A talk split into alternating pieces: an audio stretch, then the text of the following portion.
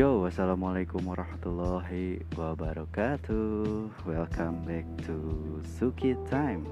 Suara kita atau suka-suka kita, yeah.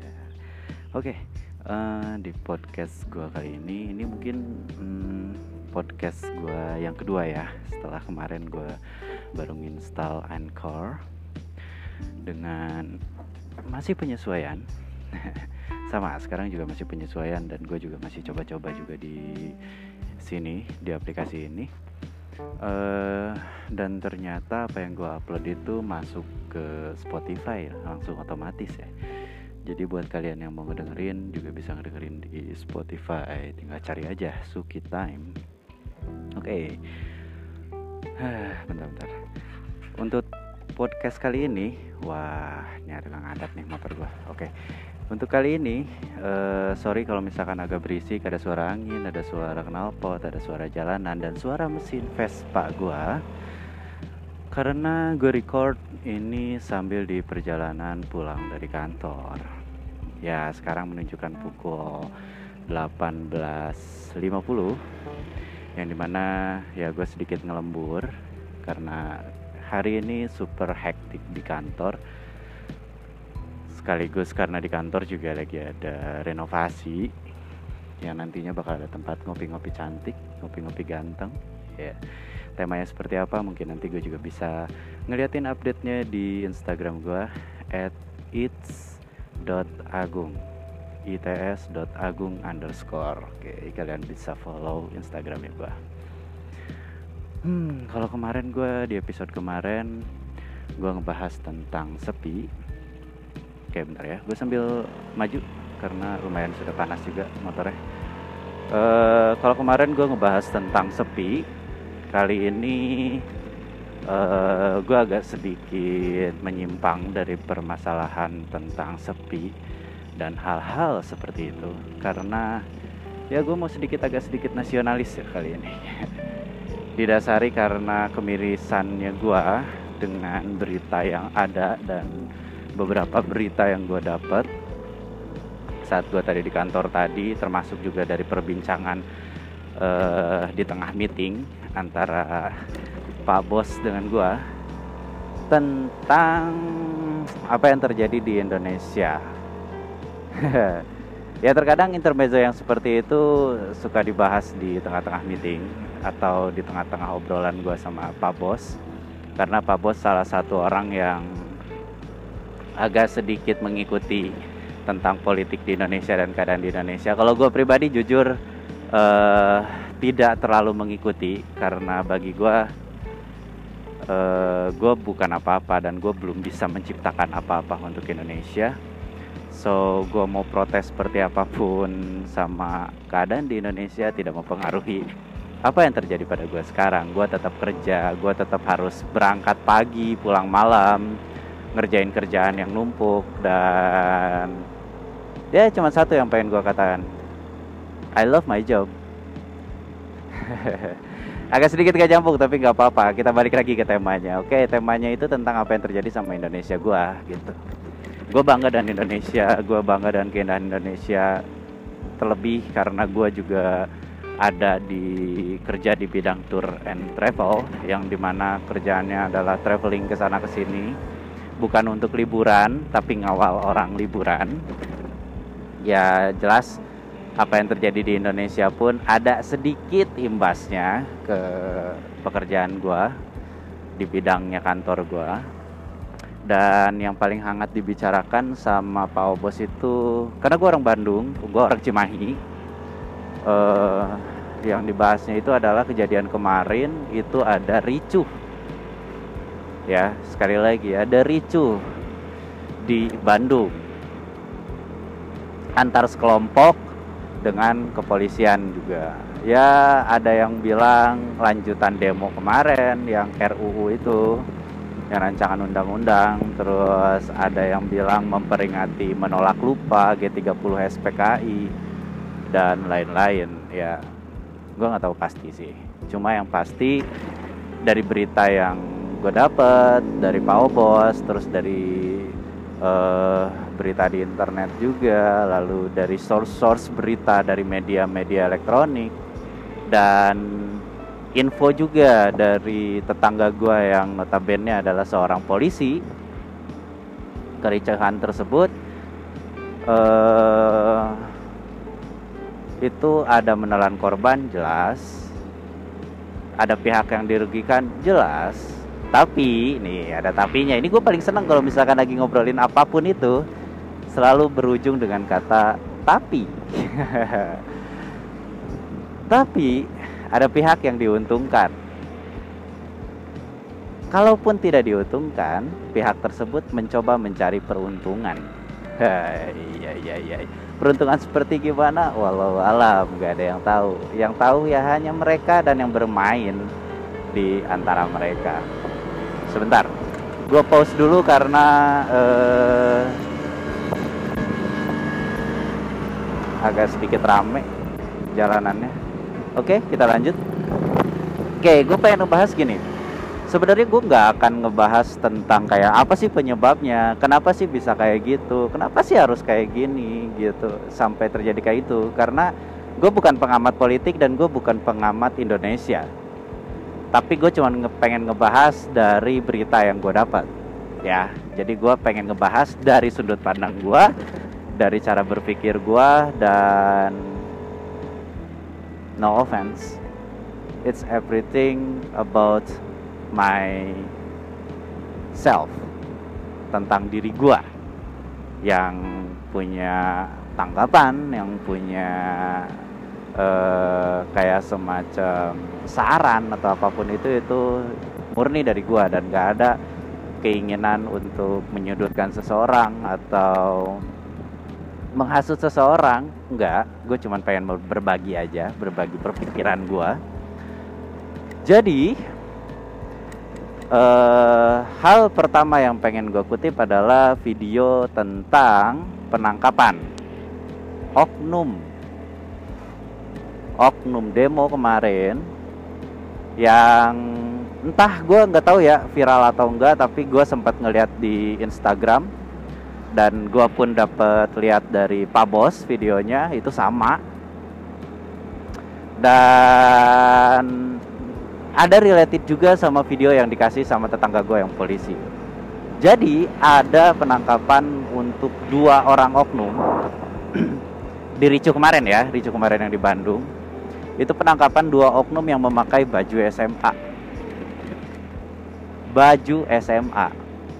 Tapi ketika diinterogasi dan diwawancara ternyata orang yang bersangkutan itu berumur 21 tahun. 21 tahun masih SMA itu dia betah banget di SMA ya? Nggak di DO atau dia nggak naik berapa kali? Gue nggak tahu tapi dua-duanya umurnya 21 tahun. Dan mereka mengaku dari salah satu daerah di Bandung. Lalu ketika mulai disudutkan oleh polisi dengan beberapa pertanyaan agar dia lebih jujur karena jika tidak memberikan sebuah pertanyaan yang menyudutkan dia nggak akan pernah jujur. Sampai akhirnya dia jujur dan dia bilang bahwa dia bukan anak sekolah dan dia tidak bekerja di mana pun alias pengangguran oke okay? nih saya kutip gua kutip lagi nih gua kutip lagi dia pakai baju SMA umur 21 tahun dan setelah mengakui uh, dia tinggal di salah satu daerah di Bandung agak sedikit ujung lalu dia pun mengakui bahwa dia tidak bekerja dan bukan anak SMA atau anak sekolahan. Well, kalau kayak gitu hanya ada dua kemungkinan. Satu, dia seneng ikut dengan sebuah keramaian dalam artian demo untuk mericukan sengaja ya kasarnya tawuran lah ya mentalnya mental tawuran atau ada orang di baliknya yang meminta mereka atau men-washing brainwash nge-brainwash mereka yang seperti itu untuk melakukan hal itu. Karena di ujung videonya dia mengakui bahwa ada yang memberi mereka uang transport disebutnya. Uang transportnya itu sebesar 50 ribu. Wow. Hanya untuk meramaikan. Nah dan malah ujungnya ricu dan fakta yang lebih menarik lagi adalah mulut mereka bau alkohol.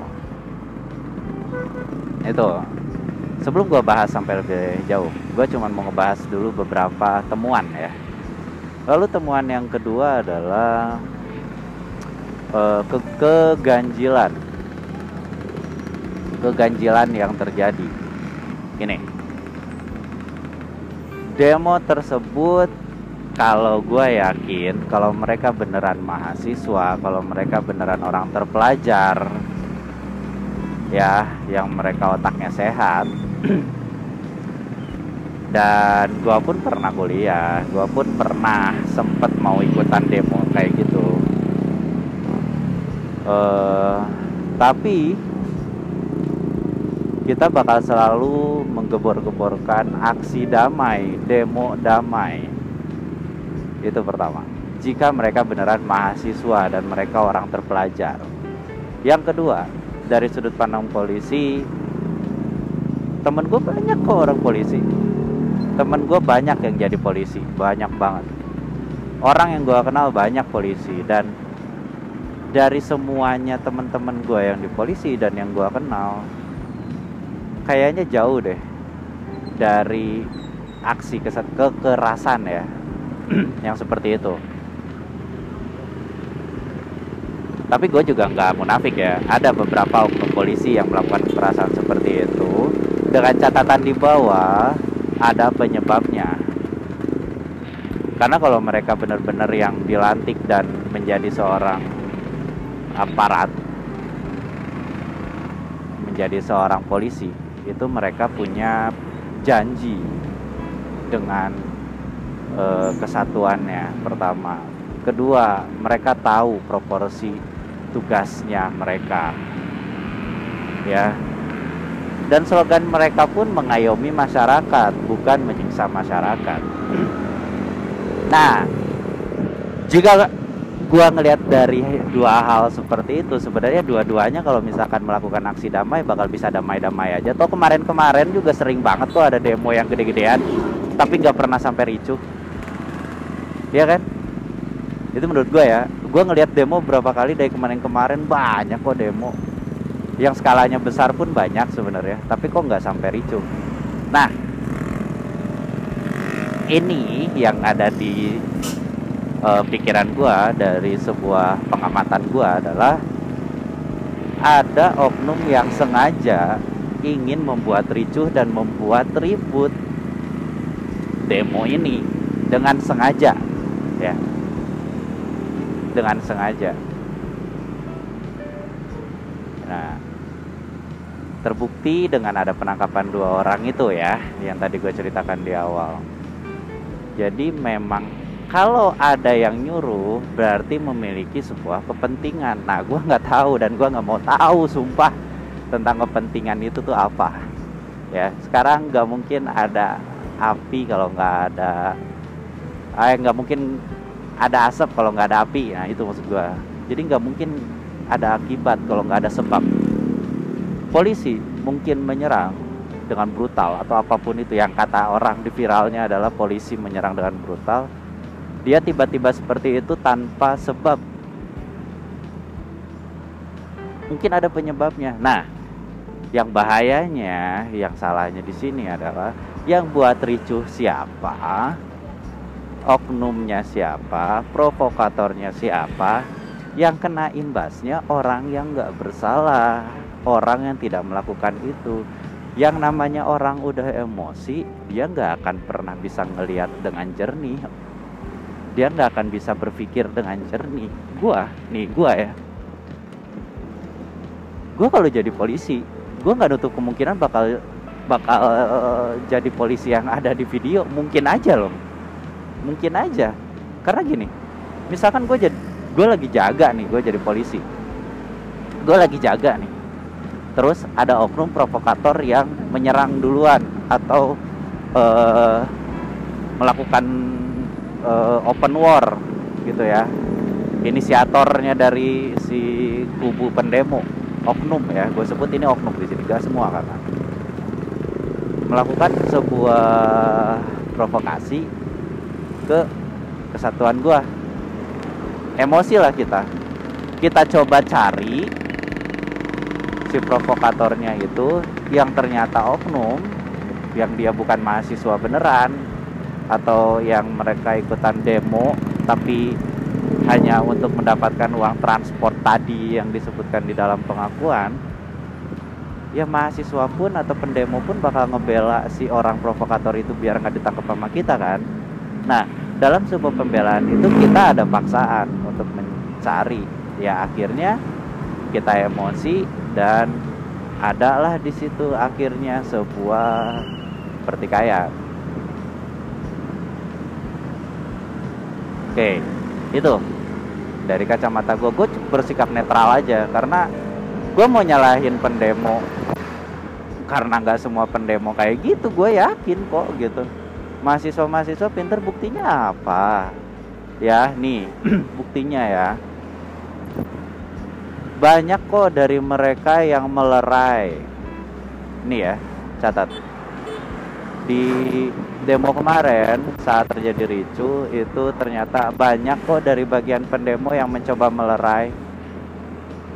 Berarti yang mencoba melerai mereka pengen demo ini damai tidak ada kekerasan pertama. Kedua dari pihak kepolisian pun ada juga kok yang melerai. Jadi di sini yang salah adalah oknum. Nah Terus poin selanjutnya yang bikin gua rancu adalah kok bisa kemarin yang di Bandung nih, yang kasus Bandung baru banget masih hangat tadi malam tuh.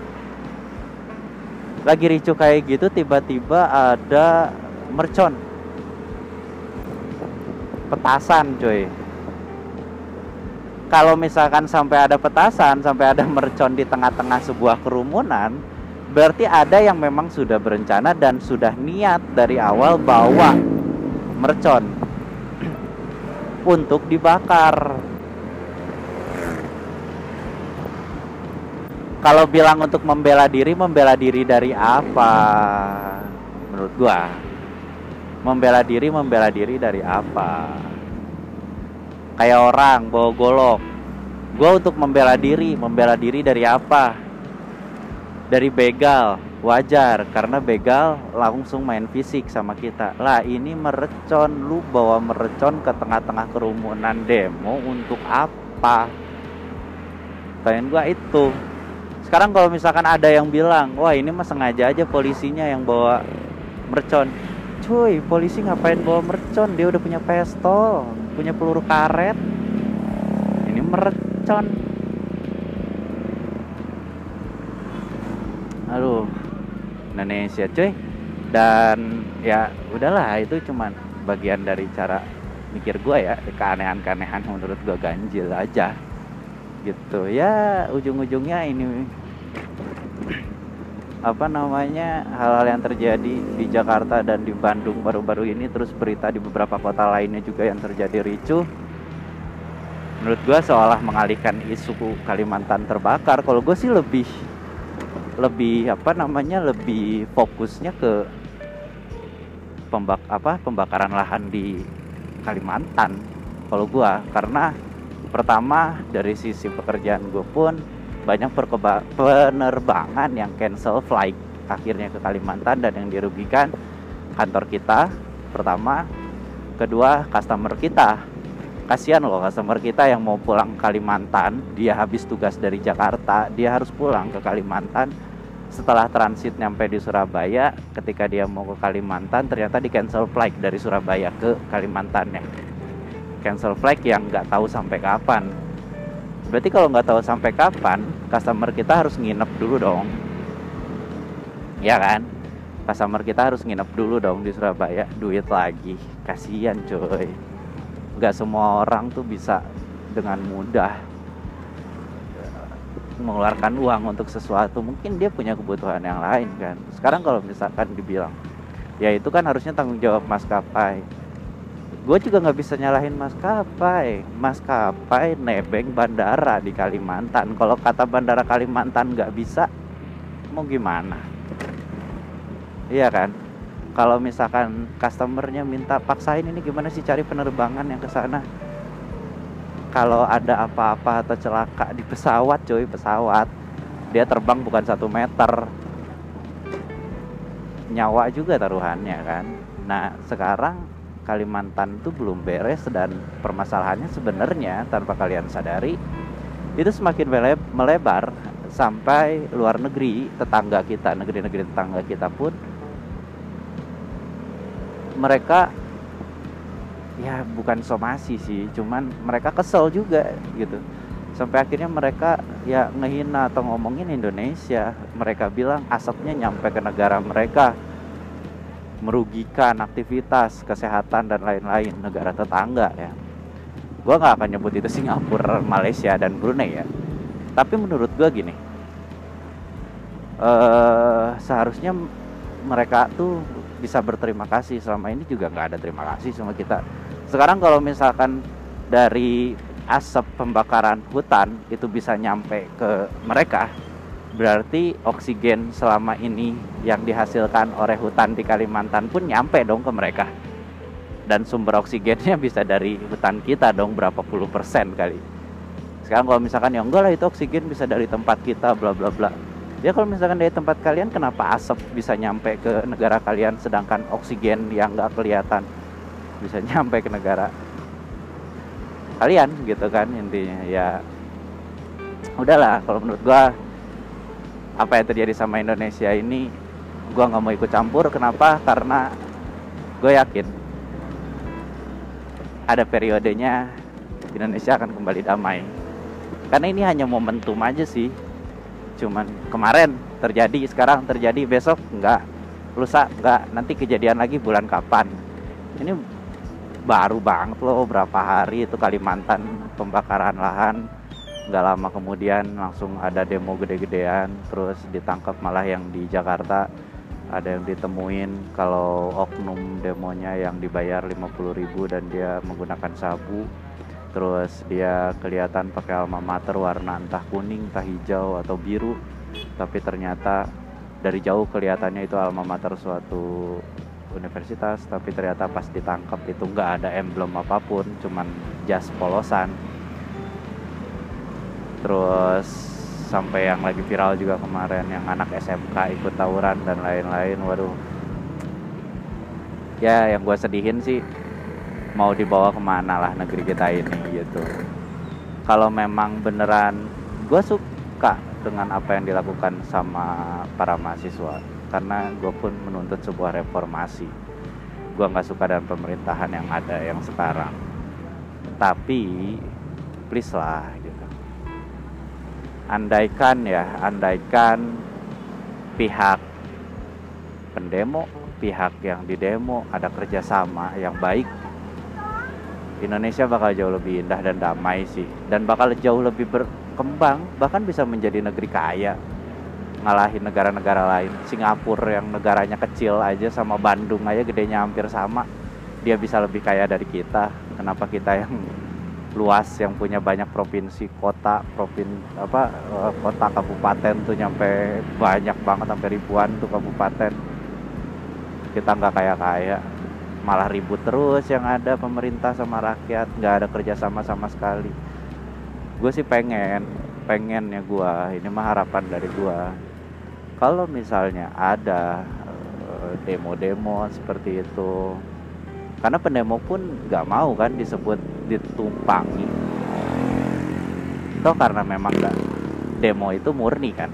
Demo kemarin itu murni panggilan hati para mahasiswa untuk menuntut sebuah reformasi menuntut sebuah uh, apa namanya uh, sebuah keadilan gitu murni mereka tapi nggak semua ada oknum di dalamnya. Coba bayangkan, apa yang dicari sama para aparat pun adalah para oknum. provokator iya kan oknum provokator gue yakin pasti yang dicari adalah oknum provokator dan seharusnya pendemo pun bisa bekerja sama agar demonya lebih bersih demonya bisa diterima sama para menteri sama pejabat-jabat kita yang disebutnya wakil rakyat sama-sama bekerja sama carilah oknumnya yang menjadi penyebabnya kericuhan, yang menyebabkan kericuhan, yang memancing kericuhan. Toh juga kalau misalkan si pendemonya bisa eh, nangkep, ikut nangkep oknum, ini loh, ini nangkep oknum. Demo juga bakal damai, nggak akan ada korban kok. Karena ya gue yakin lah Indonesia tuh bakal bisa jadi negara yang besar, bisa jadi negara yang kaya, bisa jadi negara yang indah. Kalau semuanya bisa saling kerjasama dan cinta damai, itu sulit. Ya sulit, tapi apakah itu mungkin? Mungkin terjadi dan bisa terjadi. Gue yakin kalau ada mau.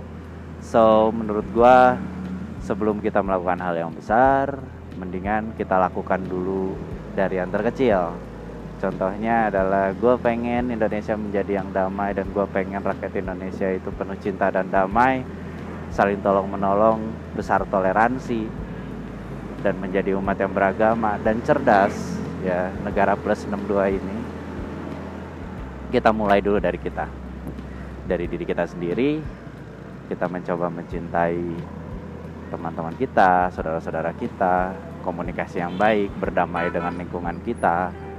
Ya kita mulai dulu dari yang terkecil sebelum ke yang terbesar. Jangan meminta dulu yang terbesar jika yang terkecil pun belum kita jalani. So itu bincang-bincang gue selama perjalanan. Thank you banget uh, udah ngedengerin. Kalau nyampe akhir nih, kalau nyampe akhir thank you banget. So akhir kata, assalamualaikum warahmatullahi wabarakatuh. Sampai ketemu di podcast gue selanjutnya, di episode selanjutnya. Always positive and be happy.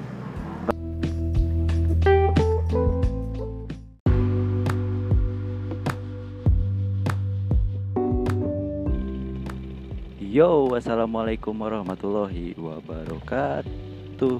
Ya, kembali lagi di Suki Time. Suara kita, suka-suka kita. Hmm, Ya, kembali lagi di episode Talk on the Way Di mana gue bakal ngobrol selama gue di perjalanan pulang dari kantor. Let's go. Nah, seperti biasa jam-jam segini gue hampir tiap hari pulang tuh jam jam-jam segini sih agak sedikit ngelembur karena kalau dari jam standarnya seperti yang udah sempat gue kasih tahu itu jam 5 sore tapi ya gue selalu di atas jam 5 sore. Selain karena jalanan macet kalau misalkan gue pulang jam 5 ya nanggung juga sama maghrib sih biar gue bisa sholat maghrib dulu.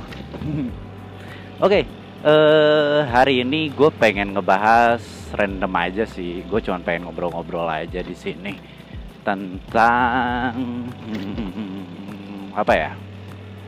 Oke ini yang lagi menarik sih.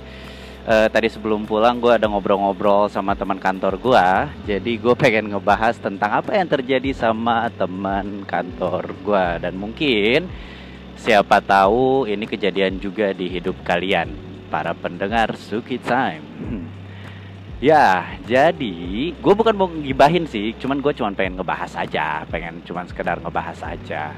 Jadi uh,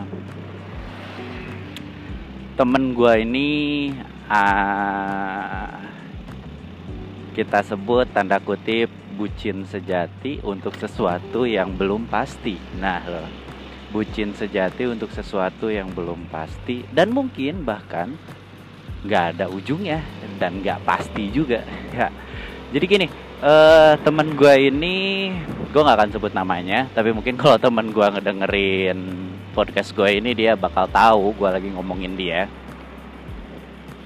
Jadi teman gue ini tuh galaunya nggak ketulungan. Galau tiap hari terus buat ngejar ngejar ngejar ngejar orang yang nggak pasti sih kalau kata gua. Dan wow, wow. Dan arahnya itu malah lebih dimanfaatin sih dia. Menurut gua ya. Ini menurut dari kacamata gua. Tapi kalau di kacamata dia yang sedang kasmaran dan lagi suka sama si ceweknya itu dia pasti tidak akan ngerasa seperti itu. Kenapa gue berani bilang seperti itu? Karena yang beranggapan seperti itu nggak cuman gue teman-teman kantor gue yang lain pun beranggapan sama better you tinggalin daripada lu cuman ngabisin waktu duit dan emosi plus tenaga lu doang. Jadi gini ceritanya. Bentar. Jadi ceritanya itu adalah uh, teman gue ini punya mantan semasa sekolah. Ya. Singkat cerita mereka putus singkat cerita ya mereka putus tapi teman gue ini belum bisa move on. Uh, gila. Walaupun udah jalan sama beberapa cewek sempet jadian sama satu dua cewek. Bahkan di tengah-tengah perjalanan cintanya itu dia lagi pacaran nih sama seseorang. Nih temen gue ini tuh lagi pacaran sama seseorang terus dia masih sempet sempetnya chat-chatan WhatsApp kalau nggak salah apa DM-an ya gue lupa. Pokoknya oh ya chatan WhatsApp deh kalau nggak salah. Sama si mantannya ini. Iya. Yeah.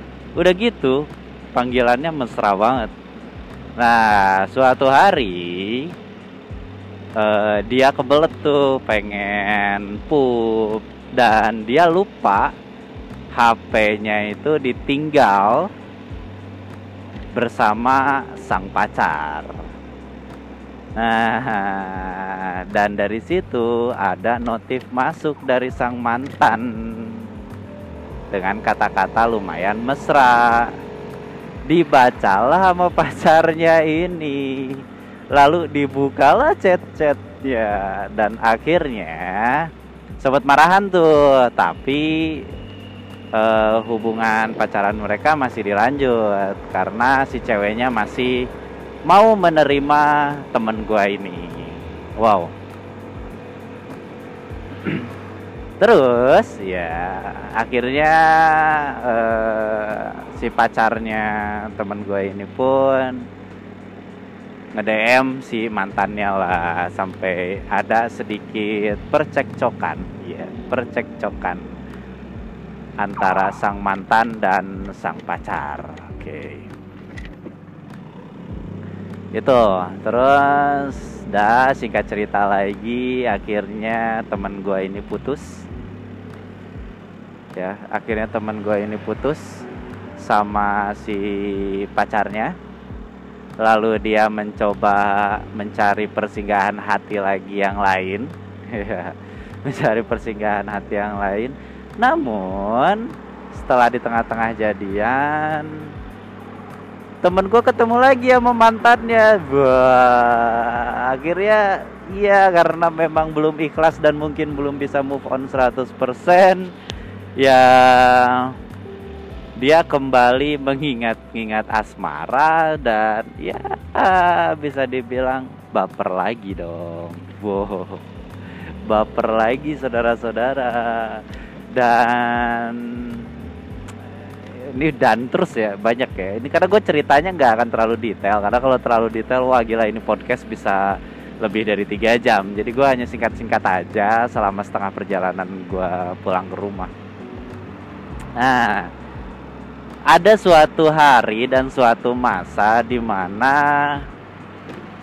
uh, temen gue ini ngedaftarin temennya buat magang di kantor. Di kantor gua ya. Untuk magang.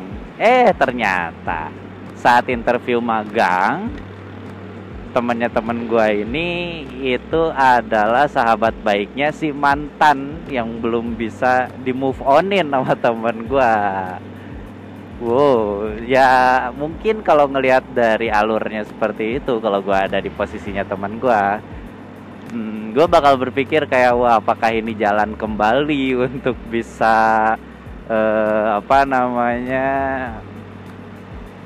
jadian lagi gitu atau balikan lagi sama si sang mantan. Ya akhirnya cobalah untuk ya skill tipis-tipis dulu lah ya di awal mungkin. Gue nggak tahu ya. Coba yang pasti mungkin ada permainan skill-skill tipis-tipis.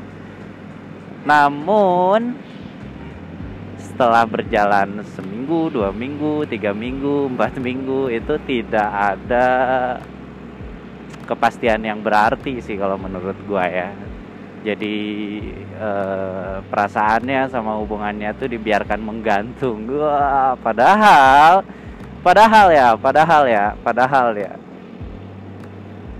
Temen gue ini uh, udah ngabisin banyak waktu banyak tenaga udah banyak ngorbanin juga emosi jelas materi juga ya. Tapi tidak ada ujung yang jelas sama si mantannya ini gitu. Jadi ketika temen gua mencoba ngejauh si mantannya ini mulai mendekat mulai ngebaik-baikin. Ya gua bisa bilang kayak ada sedikit perlu kalau ada butuh dia mencari temen gua ini. Dan setelah kebutuhannya sudah tercapai dan terlaksana temen gua ini agak sedikit dicuekin didiemin lagi. Bahkan kalau info yang gue dapet kalau gue nggak salah info ya kalau gue nggak salah info. Si mantannya ini pun sekarang bekerja dibantuin sama temen gue Huh. dan update terakhir yang tadi gue tanya sebelum gue pulang itu adalah dia masih belum ada kepastian sama si cewek ini sama si mantannya ini belum ada kepastian. Ya ke gua dan teman-teman kantor gua yang lain yang tahu cerita ini kita semua menyarankan untuk oke okay lah kalau emang lu nggak mau ngelepasin si mantan lu karena bagi gua adalah ini udah bukan pure murni hati yang berbicara tapi hanya sekedar penasaran kok gua nggak bisa balikan-balikan lagi kok dia ngedeket tapi kok gua nggak jadian. Lebih ke arah situ sih kalau gue ya gue pribadi. Dan si mantannya pun nggak sehat sih kalau kata gue kalau misalkan kayak gitu ya cuman sekedar memanfaatkan di saat sedang butuh aja gitu kan. Ya tetap apa pun itu ujung-ujungnya eh, semuanya kita nggak bisa maksain. Itu kehidupannya temen gue dan hanya temen gue yang bisa menentukan arah ke depannya seperti apa mau seperti apa.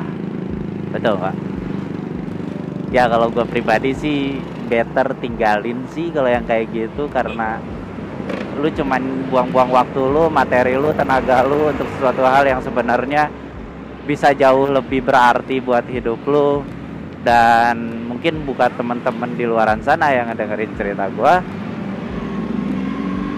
ada yang ngalamin hal seperti ini. Ini hanya saran hanya advice dari gue dan bukan berarti apa yang gue katakan itu harus wajib kudu mesti dilakukan. Enggak. Tapi mungkin gue cuman pengen ngasih saran aja. E, masih banyak kok di luaran sana yang bisa menerima lu apa adanya, yang bisa mengerti lu dengan keadaan lu, dengan kondisi lu. Jangan termakan dengan hawa nafsu, emosi yang berkedok hati.